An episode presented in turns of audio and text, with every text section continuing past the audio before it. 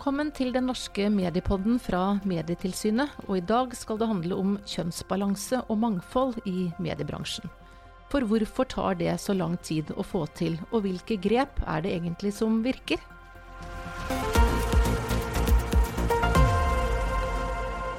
Kristin Skogen Lund, konsernsjef i Skipsted. Hvordan klarte du å gjøre såpass store grep med kjønnsbalansen i toppledergruppa sånn nesten med en gang du kom inn som ny leder? Altså, det var faktisk enkelt, fordi det var jo veldig mange dyktige kvinner der. Eh, og eh, vi har fått kjønnsbalanse i selve konsernledelsen, men vi har også kjønnsbalanse i ledergruppen for de tre forretningsområdene våre. I konsernledelsen så rekrutterte jeg to eksterne, en kvinne og en mann. Så en av de kvinnene var ekstern. Men bortsett fra det så er det så godt som kun interne ressurser som nå sitter i disse gruppene. Så det, og jeg må også si jeg hadde nok ikke satt inn en kvinne bare fordi jeg skulle ha kjønnsbalanse. For jeg er ikke villig til å kompromittere på det at jeg må ha de aller beste folkene i så sentrale team. Men de var der, så det gikk fint. Vi skal eh, straks snakke mer om kjønnsbalanse og mangfold i ledelsen i eh, mediebransjen, for det er nemlig tema for dagens utgave av den norske mediepodden fra Medietilsynet. For mange snakker om det, men langt fra alle klarer å gjøre noe med det. Og hvorfor er det nå så vanskelig å få en jevnere kjønnsbalanse og økt mangfold? Jeg gleder meg til å diskutere det sammen med to erfarne medieledere. Kristin Skogen Lund, konsernsjef i Skipsted, og Victoria Schultz, konserndirektør for salg og marked i Amedia. Og med oss så har vi også Anne Grete Solberg, som er sosiolog og forsker med mangeårig engasjement rundt dette med kjønnsbalanse i ulike typer virksomheter. Jeg som er programleder heter Mari Welsand og er direktør i Medietilsynet. Og Anne Grete Solberg, først til deg. Hvorfor er det så viktig med kjønnsbalanse? Altså, jeg tror det er viktig, fordi at det gjør noe med attraksjonen til hele bedriften. Eh, man viser at vi er i takt med tiden, vi følger med. Eh, og det som forskning også viser, er at kunder identifiserer seg med de bedriftene de kjøper av. Så når de blir omtalt at her har vi kjønnsbalanse, så er det noe som de liker. Uh, og vi ser også kompetent, høyt kompetente, utdannet folk. De liker også å tiltrekkes bedrifter med kjønnsbalanse. Hvordan uh, er mediebransjen, uh, sånn sett fra ditt forskerståsted, i forhold til andre deler av norsk næringsliv? Altså totalt sett i linjeledelse i hele privat næringsliv så er det 38% kvinner. Og det er flere menn som er ansatt i privat næringsliv enn det er Eh, kvinner. Uh, og totalt sett i konsernledelsene i norsk næringsliv så er det 20% av dem som er kvinner.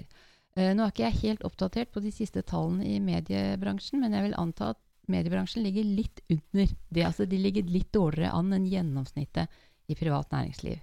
MBL gjorde jo en undersøkelse i første kvartal 2018 Uh, og da var det sånn at det var i konsernene uh, 79 uh, menn og 21% kvinner i ledergruppene. Og så er det litt uh, flere kvinner når vi kommer på mellomledernivå.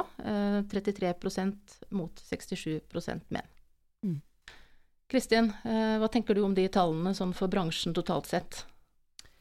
Nei, det er jo ikke, det er ikke bra nok. Eh, så da må vi jo fortsette å jobbe med det. Men altså, min, min erfaring som nylig hjemvendt i mediebransjen er at det er jo veldig mange dyktige kvinner i den bransjen. Så jeg tror utgangspunktet for å bare rett og slett gjøre noe med det, er ganske godt.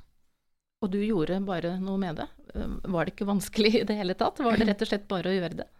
Det var ikke vanskelig. Jeg hadde satt sammen akkurat det teamet eh, hvis ikke jeg hadde trengt å ta hensyn til kjønn i det hele tatt. Så de var der, de flinke damene. Victoria Schultz, du er eh, konserndirektør i Amedia, sitter i uh, toppledelsen der. Og der, uh, for å si det også, vi har sittet der sammen faktisk, og var en periode to kvinner. og så ble du den eneste, og så har du nå fått selskap av én kvinne til. Men i en periode har du vært eneste kvinne, eh, og resten i ledergruppa var menn. Hvordan opplevde du det? Eh, jeg syns jo det er positivt på vegne av media at vi er to kvinner, og at vi nå er på snittet med resten av norsk eh, næringsliv. Eh, men hvis vi ser av media som helhet, eh, så er vi innenfor de redaksjonelle områdene på snittet med norsk næringsliv, mens vi på administrasjon og salg eh, gjør det bedre i forhold til kjønnsbalansen. Hvor viktig tenker du det er? Nei, jeg, jeg hører jo hva Anne Grete sier, og jeg tror at rent omdømmemessig, eh, det å tiltrekke seg talentene, eh, gjør at man må og bør være oppmerksom på kjønnsbalanse. Eh, man ønsker jo å rekruttere fra hele den norske befolkning, ikke bare fra eh, ene, det ene kjønnet eller eh, eh, etnisitet i sådan. så vi må jo fremstå som en attraktiv arbeidsplass hvor alle har muligheter. Og det er veldig viktig for oss på annonsesiden at kundene kjenner seg igjen i produktene. Dette med kjønn og kjønnsbalanse har jo vært snakket om i mange, mange år eh, i mediebransjen. Og hvorfor i all verden har det tatt så lang tid? Jeg tenker at det har noe med å gjøre at man har ikke visst helt hvordan man skal gjøre det. Uh, det har vært vilje til stede i mange år, men det er noe med å ha den konkrete verktøykassa om bord og vite hvordan man skal holde på med intern talentutvikling, hvordan skal man uh, på en måte informere uh, kvinner som er i minoritet, om hva ledelse er, osv. Uh, og så er det jo også, når vi ser på de bedriftene som har fått det til, så er det jo ofte 'just do it', at de bare går ut og gjør det. Og det virker som om uh, det er flere og flere bedrifter som har knekt akkurat den koden nå, og går ut og gjør det. Sånn som vi hører Kristin har gjort. Men kan jeg legge til en ting? At uh, Det som jeg syns er så interessant, er at i min erfaring er det veldig ofte mennene som er opptatt av at det skal være uh, balanse. Og det er ofte menn, også i Skipsted, når jeg har kommet inn der nå, som sier fra hvis Nei, liksom, nei det, sånn kan vi ikke sette sammen det der. Her er det for få kvinner. Og det er mye oftere menn enn kvinner som, som sier det, og det syns jeg er veldig positivt. Så jeg tror det er veldig viktig å være aspektet at også menn ønsker den balansen. De vil ikke sitte i ledergrupper med bare andre menn. Og så har det jo skjedd mye i vår bransje bare innenfor det siste halvannet året. Vi har fått tre nye topplige, eh, topp, uh, kvinnelige toppledere. Mm. Både i Skipsted, i NHST og i Eggmont. Så det, er, det, skjer noe i disse dager. Så eh. tallene kommer nok til å se annerledes og litt bedre ut når MBL nå, så vidt jeg forstår, holder på å gjøre en ny kartlegging. Så vil vi jo se effekter av de grepene som bl.a. du har tatt, Kristin. Ja. Anne Grete, eh, du som er forsker. Eh, hva sier forskningen om eh, eventuelle forskjeller mellom kvinnelige og mannlige ledere? Ja, ledelsesforskningen er veldig klar at det finnes ingen forskjeller. At forskjellene når vi går inn i bedrifter og måler, og kvinner og menn da krysser av på et kvantitativt spørreskjema hvordan de selv er som ledere, så finner vi ingen forskjeller i det hele tatt. Så det er ikke så viktig, da? Nei. Nei. Altså det å skulle argumentere med at kvinner og menn er forskjellige, så derfor må vi ha de sammen i ledergruppa, uh, det er ikke mye dekning for å si det. Uh, men det vi ser, er at det er, større forskjeller kvinner imellom og menn imellom enn det er i gjennomsnittet mellom kvinner og menn. Så jeg tenker at det er virkelig en stor sjanse å uh, skulle være veldig opptatt og tro at kvinner og menn er forskjellige, for da kan man sementere noen forskjeller i bedriften som faktisk ikke finnes.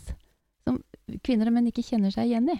Det er ikke alle, mange, alle damer som går rundt og er varme og relasjonelle og kan løse konflikter, eller menn som er kalde og bare tenker rasjonelt og på pengeinntjening. Kjenner dere dere igjen i dette, Kristin og Victoria? Ja, jeg er egentlig veldig enig i det. Altså at, øh, og, og, jeg må også si at selv sant? Jeg, Det har jo liksom vært mye fokus opp igjennom på at jeg er dame, men jeg har nesten aldri tenkt over det selv. Jeg tror ikke jeg er så veldig annerledes fordi jeg er dame, faktisk. Jeg har vel litt av den samme erfaringen også, men jeg har sterk beundring for, øh, for de damene som er veldig damer også i øh, lederskapet, hvis det går an å si det. så det at det er et bredt perspektiv av personligheter også blant kvinnelige ledere, tror jeg er en uh, positivt bidrag. Ja, Det du toucher inn på nå, er jo kjønnsrolleidentitet. Altså om man går rundt og er feminin eller maskulin, eller faktisk androgyne. Eh, og jeg har gjort en forskning i norsk næringsliv eh, med toppledere og mellomledere.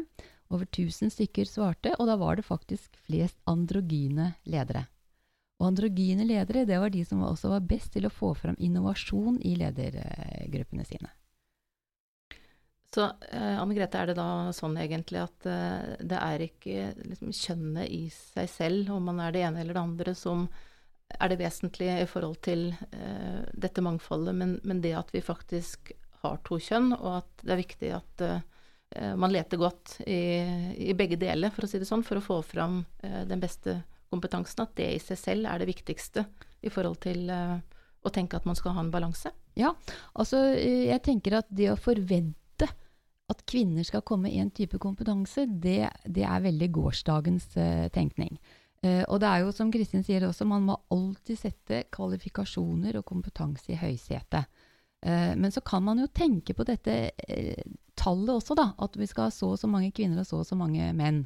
Og det tror jeg er veldig et viktig fokus å ha. Og da er det jo ofte å støtte seg til måltall for uh, dette. Og så sier du at det, det, finnes to kjønn, men det gjør ikke det heller lenger. Nei, det, det har du jo rett i. det er så mange kjønn uh, nå, og så mange ulike typer uh, måter å være menneske på. sånn at nå er det jo oppe til høring hen og det tredje kjønnet i Norge. Sverige har jo hatt det for lenge siden. Og hvis vi legger på seksualitet og kjønnsrolleidentitet og alt dette her, så blir det individ og mennesker i større grad. Kristin eh, og Victoria, dere har jo begge sittet i ulike ledergrupper i ulike typer virksomheter gjennom mange år. Um, Kristin først, um, har du merket noen forskjeller på hvordan ledergruppen har fungert i forhold til om det har vært en jevn eller ujevn kjønnsbalanse? Jeg har sittet i begge deler. Uh, jeg har vært eneste kvinne. Uh, og jeg har sittet i veldig balanserte grupper. Og ja, det er forskjell, men jeg vet ikke om det er for pga. kjønnsbalansen. ikke sant? Det er det, Hvordan skal jeg vite om det var pga. Mm. at jeg var den eneste damen? Men eh, jeg tror på generell basis jeg vil si at jeg tror det er sunt for også det sosiale miljøet i en gruppe at det er, et viss, eh, at det er en god balanse. Jeg tror alle trives bedre med det. Rett og slett. Og så kunne jeg snakket lenge og vel om forskjeller på ledergrupper, men jeg er litt usikker på om det har med kjønn å gjøre, da. Mm. Victoria, hva er din erfaring? Nei, jeg er veldig enig i det Kristin sier. Jeg er usikker på om det er kjønnet eller om det er eh, sammensetningen av ledergruppene. Men jeg tror jo veldig på at man bør ha flere kjønn representert i ledergrupper for at de skal være gode. Eh, og jeg tror nok personlig, min opplevelse er at det blir litt høyere, altså takhøyde, eh, i mer balanserte ledergrupper enn hvor det er veldig stor dominanse av det ene kjønn. Anne Grete, du sier at uh, oppskriften er 'just do it'. Og, og Kristin, du sier at eh, ja, det var bare å, å gjøre det. Uh, må liksom bore litt mer i det. fordi at hvis det hadde vært så enkelt, så hvorfor er det ikke flere som får det til? hva tenker dere om det? Ja, jeg vet ikke. Det er å, det er vanskelig å svare på det. Ja, For det, men, du har jo fått det til, så. Ja, eh, jeg har det. Eh, og jeg, jeg hadde, vi hadde det sånn i NHO også, da jeg ledet NHO. Men eh, det er klart litt, altså man må jo ha litt tanke på det. fordi sant, Forfremmer du en kvinne i én rolle, så må du kanskje tenke mannen i en annen rolle. Det er jo en slags total kabal. Men det, jeg opplever at det er fullt mulig å få disse kabalene til å gå ganske god, godt opp uten som sagt å kompromittere på uh, på kvaliteten. Da, og da må man bare rett og slett uh, gjøre det. Man må eksekvere på det. Men det er klart, har du ikke de kandidatene, så er det jo verre. Mm. Da må man jo begynne å rekruttere eksternt, f.eks. Og det kan man gjøre noe av, men du må jo liksom ha en balanse også med det interne og det eksterne. Uh, og jeg skal innrømme at jeg i mitt tidligere liv holdt jeg på å si, har hatt uh, grupper med altfor mange menn. Og det har vært fordi jeg rett og slett ikke så at det var kvinner som naturlig kunne gå inn og ta enkelte av de rollene i ledergruppen. Så jeg har også syndet mot dette her, men det er ganske mange år siden nå. Mm. Hvis vi ser på, um, igjen tilbake igjen til den kartleggingen som uh, MBL gjorde i fjor, uh, så har de også tall på Eh, antall medarbeidere, og da er det nesten jevnt med 48% 52% Så det er jo noe her med at uh, det finnes en ganske jevn fordeling når du kommer på medarbeidernivå, men så er det åpenbart da flere menn enn kvinner som, som blir ledere. Uh, og så er det jo også en del som sier at uh, det er flere menn enn kvinner som vil. hva tenker dere om det? Jo, jeg tenker det kan være en naturlig forklaring. Eh, men det jeg hører du er ute etter nå, er hvorfor er det slik? Mm. Du er ute etter årsaksforklaringene. Og det jeg ser, som jobber ute i uh, dette feltet her, ute i bedriftene hver eneste dag, ser at de bedriftene som stiller det hvorfor-spørsmålet, hvorfor har vi det ikke? Er det fordi vi diskriminerer, og er det glasstaket her, eller er det fordi at kvinnene ikke vil? Og hvorfor skal vi ha det? Tjener vi mer penger, eller gjør vi ikke? Og de toppledergruppene som bruker lang tid på å svare på de spørsmålene, eh, de gir fokus Altså det er det de gir fokus, og det er det de holder på med. Uh, Istedenfor å på en måte klippe av de hvorfor-spørsmålene, som har like mange svar som det sitter toppledere i den gruppa. Du bør egentlig ikke bry seg så mye om det og bare gjøre det. Ja, hvordan? Hva skal vi Mm. gjøre nå? Hvordan skal vi få til vilje, eh, få ressurser, mobilisere krefter, lage et prosjekt? Men er det, mm, er det vilje eller evne, tror du? Sånn stort sett. Eh, Jeg tror det står ikke på viljen. Veldig, veldig mange vil, men de strever med å vite hvordan de skal eh, få det til. Jeg tror for um, vår del så tror jeg Eller jeg tror den omstillingen som mediebransjen har vært i de siste fem-seks årene, uh, hvor vi virkelig har følt digitaliseringen veldig nært, så har nok dette falt litt av agendaen. Um, fordi det har handlet om å overleve og finne veien inn i den digitale økonomien. Uh, og det har vært viktigere, tror jeg, enn å få satt kjønnsbalansen på dagsorden. Um, det jeg også ser nå, er at det, det å få HR som mer strategisk perspektiv inn i konsernledergruppene, uh, har også vært i endring bare innenfor det siste året. Og hvis jeg ikke tar helt feil, så har uh, Schibsted har vel hatt det en stund, men i hvert fall fått en veldig høy profil nå inn i, i din ledergruppe, Kristin. Mm. Og jeg ser NHS det er også løftet opp på dagsorden, Mm. eh, og vi har gjort det i Amedia også. Så det at lederen også får litt hjelp av noen til Ja. å jobbe med rekruttering på en mm. ja, kanskje mer profesjonell måte. Ja, og talentutvikling. Um, det tror jeg også er veldig viktig. Og at man ser på dette med å kjønnsbalansere en organisasjon som tradisjonell organisasjonsendring og utvikling. Uh, og får det formalisert uh, på den måten der, det tror jeg er veldig viktig. Og det, de bedriftene som gjør det, de får det til. Så handler det jo om oppmuntring på de rette og litt avgjørende momentene i livet. ikke sant? Når du står kanskje overfor et valg, da skal jeg ta spranget og gjøre dette, eller skal jeg ikke gjøre det? At de rette menneskene rundt deg, ikke bare fra arbeidsgiver, men for så vidt også rundt deg i privatlivet ditt, liksom sier at jo, selvfølgelig får du til det. Og liksom, jeg tror ikke bare kvinner, men kanskje særlig kvinner, er veldig avhengig av å få den vissheten og tryggheten og bli heiet på de rette øyeblikkene. Og de avgjørende øyeblikkene er ofte lenge før du er aktuell for en konsernledelse. Ikke minst ofte i småbarnsfasen, hvor man kan være veldig sårbar for dilemmaer og tidsklemmer og den type ting. Hva var det, for å snakke litt om det òg, Kristin, du har jo vært leder i, i mange mange år og hatt mange ulike lederposisjoner. Men sånn første gang for deg, eh, hva var det som var utløsende for at du eh, havnet i din første lederjobb? Nei, altså jeg hadde ikke selvtilliten, jeg. Eh, Og jeg jobbet i Coca-Cola faktisk på den tiden jeg begynte å få det. Og da liksom hadde jeg masse komplekser for at det var bare flaks, og jeg hadde ikke noe ledelse å gjøre, og alt det der tenkte jeg hele tiden. Og så var jeg på et veldig godt kurs. Eh, hvor jeg fikk plukket av meg en del komplekser og gjorde en del objektive tester og liksom ble og fikk beskjed om nå må du slutte å se på dette som et problem. Du må gripe lederegenskapene dine som noe positivt, og så må du bruke det til noe godt. Eh, og det begynte jeg på en måte å forstå. Og så var det litt sammenfallende med at jeg var administrerende direktør i Sverige og fikk konkrete resultater som jeg måtte erkjenne at faktisk hadde med meg å gjøre. Men det tok meg mange år å bli komfortabel med selvbildet som leder. Det tok meg mange år, altså. Og mye bortkastede, bortkastet energi på all verdens Du måtte eh, overbevises kompleks- om at du var god nok, på ja, en måte? og jeg har fortsatt en sånn demon i meg som innimellom kan være veldig hard med meg selv, men jeg er jo blitt mye, mye, mye tryggere enn jeg var. Men hva har den opplevelsen gjort med deg i forhold til eh, hva du tenker på når du rekrutterer? Altså Det går jo på at jeg forstår og ser både kvinner og menn liksom hvordan en del eh, kanskje kan bli sin egen verste fiende. da, ikke sant? Og, og ikke alltid eh, være rasjonell i måten de da utøver sine sterke sider på. Man kan f.eks. bli altfor opphengt i et par eh, shortcomings man måtte ha, som spiller ingen rolle i forhold til at 90% av deg er unikt bra, f.eks. man kommer jo mye lenger med å være klar over sine styrker og spille på dem, framfor å være opptatt av enkelte små shortcomings. Så jeg prøver jo å, å, bruke min egen erfaring til å coache. Jeg prøver å være flink til å se folk i disse kritiske øyeblikkene og ta tak i dem. Men jeg har vært veldig avhengig av dette selv, altså helt opp til nyere tid. Eh, jeg tror vi alle trenger de gode pushene opp igjennom. Victoria, hva var, eh, hva var, det som fikk deg inn i ledelse? Nei, eh, det var faktisk eh, på videregående, hvor jeg var visepresident i russestyret, og de var misfornøyd med presidenten.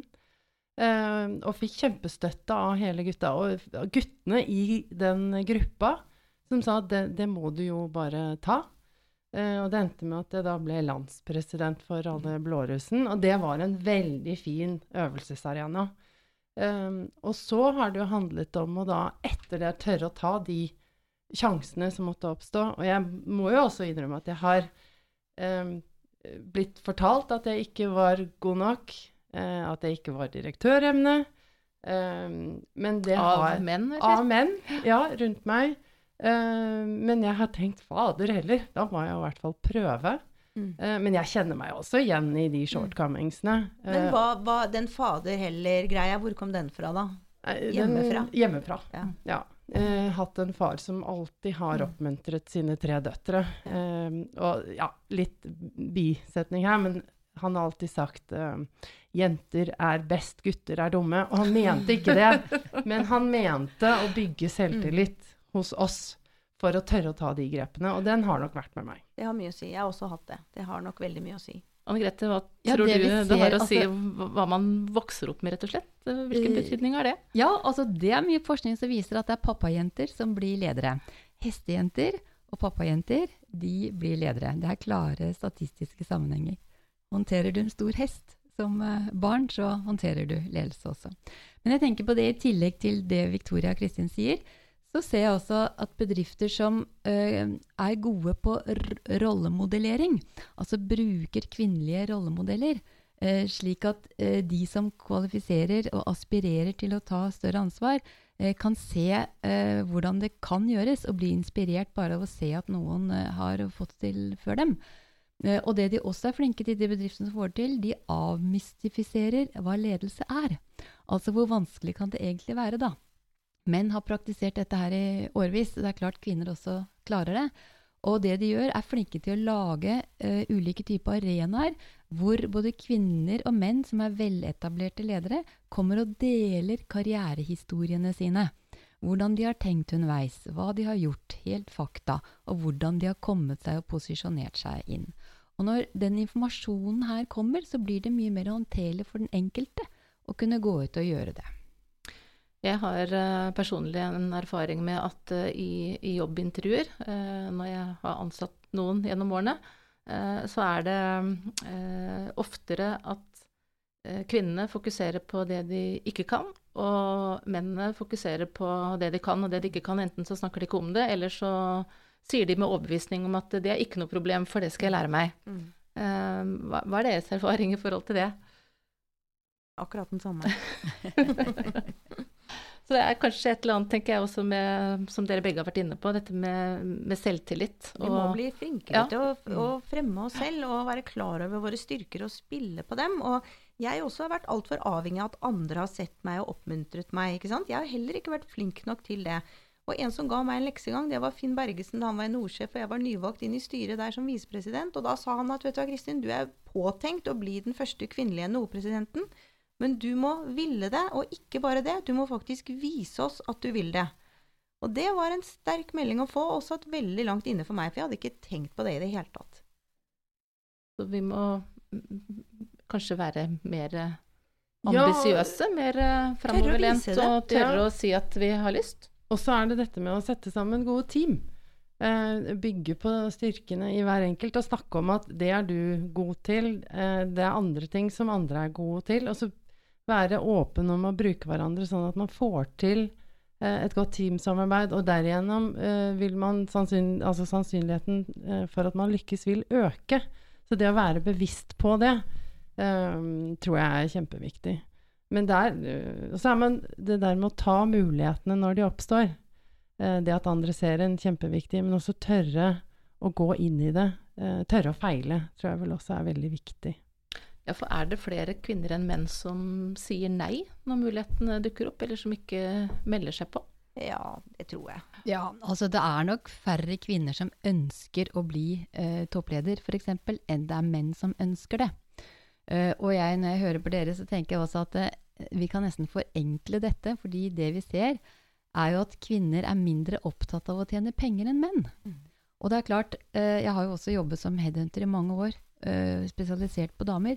Og jeg ser jo også at når mennene setter seg ned på et jobbintervju, så vet de at de har kone, tre barn de skal forsørge, de har eh, to engelske setere, og de ønsker seg hytte på fjellet. Altså, de har en drive inn i den jobbsøkerprosessen som er helt annerledes enn hun som sitter og sier at ja, penger betyr jo ikke så mye for meg, bare det er meningsfylt, det jeg jobber med. Og det er klart, det er kjempeviktig og flott. Men er motivasjonene da ulike, er det det du sier? Ja, det er Mm, motivasjonen og driven. For det er klart, hun melder seg ut fra der eh, man slåss om ballen og skal sette ballen i mål. Hun står på en måte foran sitt eget mål og ser på det som foregår der borte. Eh, og, og jeg tenker at eh, hvis kvinner kunne være mer opptatt og mer sultne på å tjene penger altså De må gjerne gi dem bort til dyrenes beskyttelse eller gjøre hva de vil med dem, men, men der, der glipper motivasjonen for mange, altså. Og så så oppfølger syns jeg er veldig interessant det du sier. Så tenker jeg også at er det ikke fortsatt sånn at jobben er en viktigere identitetsmarkør for menn? Altså det, det definerer en mann mer enn det definerer en kvinne. Jeg tror det har litt med det å gjøre. Og, og at jobben er viktigere, kanskje? Sånn i forhold til andre ting? Det blir ting, en større del av hvem du er, og hvordan du blir identifisert eh, sosialt. Er du enig i det, Anne Grete? Nei, jeg tror det er litt gårsdagens. Ja, kanskje. Jeg tror at uh, den armadaen vi får nå av kvinner, de uh, lever veldig godt gjennom jobben sin, og det er jo kjempeviktig for dem. De kunne ikke tenke seg et annet liv uten uh, Nei, men jobb. jeg mener at det liksom den, den, det, det bildet folk har av deg, den respekten du måtte føle du har, og sånn, liksom at det er mer avhengig av hva slags jobb du har for en mann enn for en kvinne. At kvinner blir målt på kanskje en, en mer mangfoldig falsett av, av eh, parametere. Ja, det kan hende altså, hva folk flest tillegger eh, kvinner og menn, eh, og hvordan de ser dem. Men jeg tror, hvis kvinner, altså, jeg tror kvinner etter hvert nå er like opptatt av jobben sin og gjøre karriere, de som gjør det, som det menn er opptatt av det. Men hva tror dere um, kommer mange ting til å endre seg nå, altså bare fordi tiden går og vi får nye generasjoner som uh, uh, ser på ting på en annen, annen måte? Kommer ting til å være veldig annerledes, tror dere, nå i neste generasjon? De som kommer etter oss? Jeg opplever det blant de yngre. Eh, der opplever jeg at det er eh, eh, De unge mennene er like opptatt av å kunne ta permisjonene sine, komme tidlig hjem. Eh, de er opptatt av å hente i barnehagen. Men er de Eh, unge kvinnene mer uh, på i forhold til lederjobber, tror du? Mm, Ja, eller Jo, av det jeg ser hos oss, da, i, eh, så opplever jeg at det er flere som gjerne vil opp og frem. Eh, men jeg opplever at det er ganske likt mellom kvinner og menn. Eh, sånn at den Det er jo i seg selv positivt, hvis vi kommer dit. ja, Jeg tror også på at det kommer en armada etter oss, og så tror jeg dessverre litt sånn eh, I hvert fall på de som er litt oppe i årene og, og eh, eldre enn Eller vår alder og eldre. eh, at de, de, de mennene nok identifiserer seg veldig med jobb. eh, mer enn det kvinner har gjort. Så det tror jeg du har helt rett i, Kristin. Jeg tror det handler litt om hvilke generasjoner det er vi snakker om. Vi skal stanse litt med mennene, fordi Kristin, du har jo også sagt at i jakten på kvinner så kan kvalifiserte menn gå glipp av muligheter. Um, si litt om hva du tenkte på med det.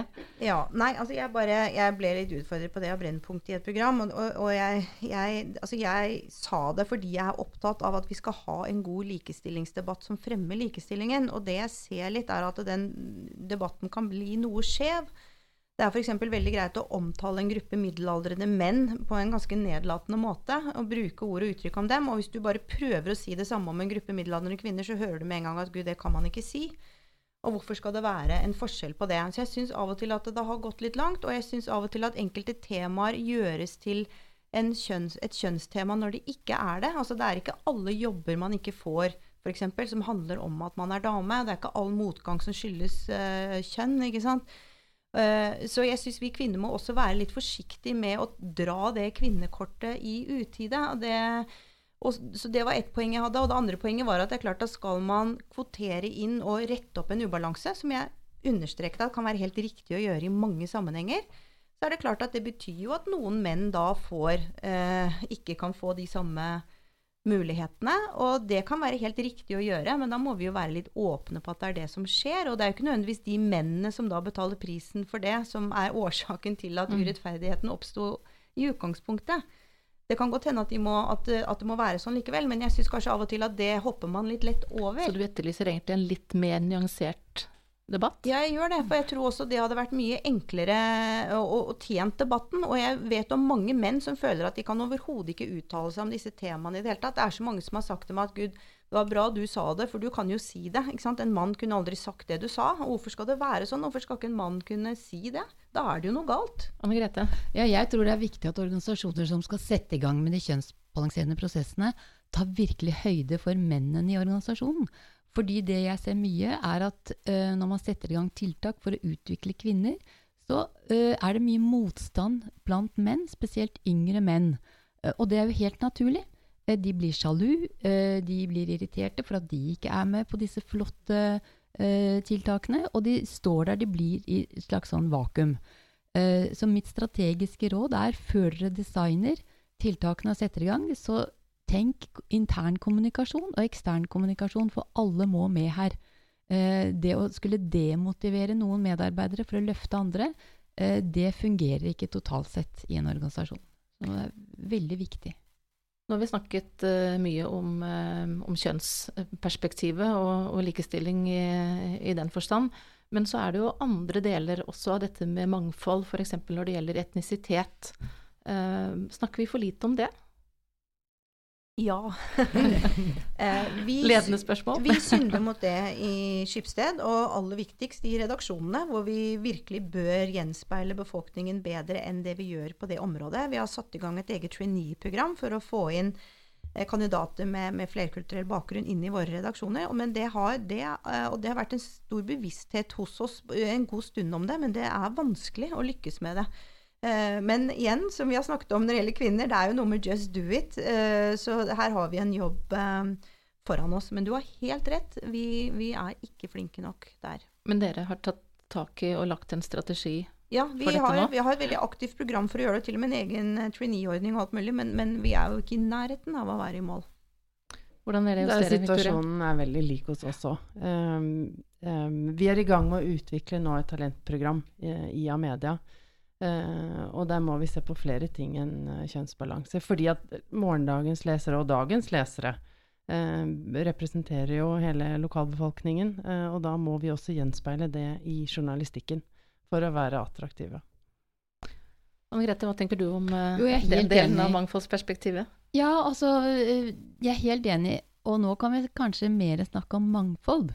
Betydning av faktisk å være forskjellig. I hvert fall hvis man klarer å uh, koble på en annen kultur og på etnisitet. For det er klart, hvis du er andre eller tredje eller fjerde, generasjon innvandrer og er født og oppvokst i Norge, så er det ikke nødvendigvis et mangfold eller forskjellighet, men det å virkelig inkludere og integrere andre kulturer, det tror jeg kan være kjempeviktig for dette mangfold, og uh, også kjempeutfordrende. En annen ting er jo dette med alder.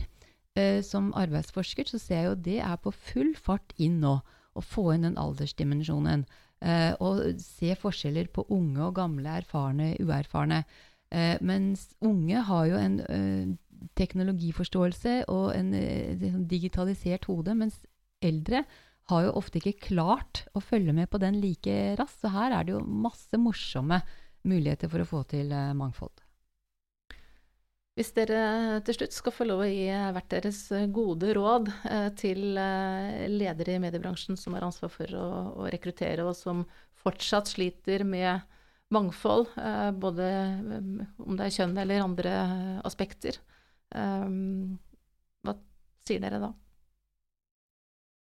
Jeg tror man skal oppmuntre i de, jeg tror de kritiske øyeblikkene som Kristin snakket om tidligere, er viktig. Og så tror jeg at man må måle. Uh, sånn at du får en økt bevissthet, for tallene må snakke for seg selv. Jeg har ikke spurt Victoria, hvordan ser det ut i din ledergruppe, den som du har ansvar for? Hvor mange kvinner og menn er du? Nei, jeg måler hele tiden. Ja. Eh, og vi har en balanse der, og vi har balanse i nivåene under. Eh, og senest for eh, seks uker siden så ansatte jeg en ny salgssjef. Mann, to, eh, 61 år. Jeg er veldig fornøyd med det. Så jeg følger med veldig godt eh, alle veiene. Mm. Kristin, ditt eh, beste råd? Ja, altså igjen, mangfold er flere, er flere ting enn enn, eh, kjønn. Og jeg må jo nesten si ja, da, at det handler om å få altså Spark snøballen i gang og få den til å rulle. fordi hvis du først får momentum i det mangfoldet, så, så baller det litt på seg og går mer av seg selv. Men det er det å få den ballen til å rulle, og da handler det litt om å bare ta grep og gjøre det, rett og slett. Men har du sett noen effekter hos deg nå etter at du gjorde dine grep med din toppledergruppe? Har det hatt noen effekter videre nedover i organisasjonen? Vel, alle, Vi har satt sammen nye ledergrupper i alle for, tre forretningsområdene nå, og, og det falt på plass uten at jeg trengte å Du måtte ikke stå med pisken? Det. Nei, det, jeg hadde nok gjort det hvis ikke det hadde Ja. falt på plass, men det falt på plass. Eh, så det er, blitt en, det er blitt mer av en slags selvfølge. Og nå har det vært mye fokus på dette i Skipsted de senere årene også. Det er jo ingen som har lyst til å ha det stempelet på seg, så det er nok veldig godt forstått i organisasjonen også. Anne Grete, ditt beste råd? Bare en kommentar til Kristin, for det er veldig morsomt at du sier, fordi kjønnsbalanse er nemlig smittsomt. Det ser vi på statistikkene, at når noen grupper får opp kvinner, så tiltrekker de seg kvinner under seg, og hele organisasjonen kommer eh, etter. Så det er morsomt.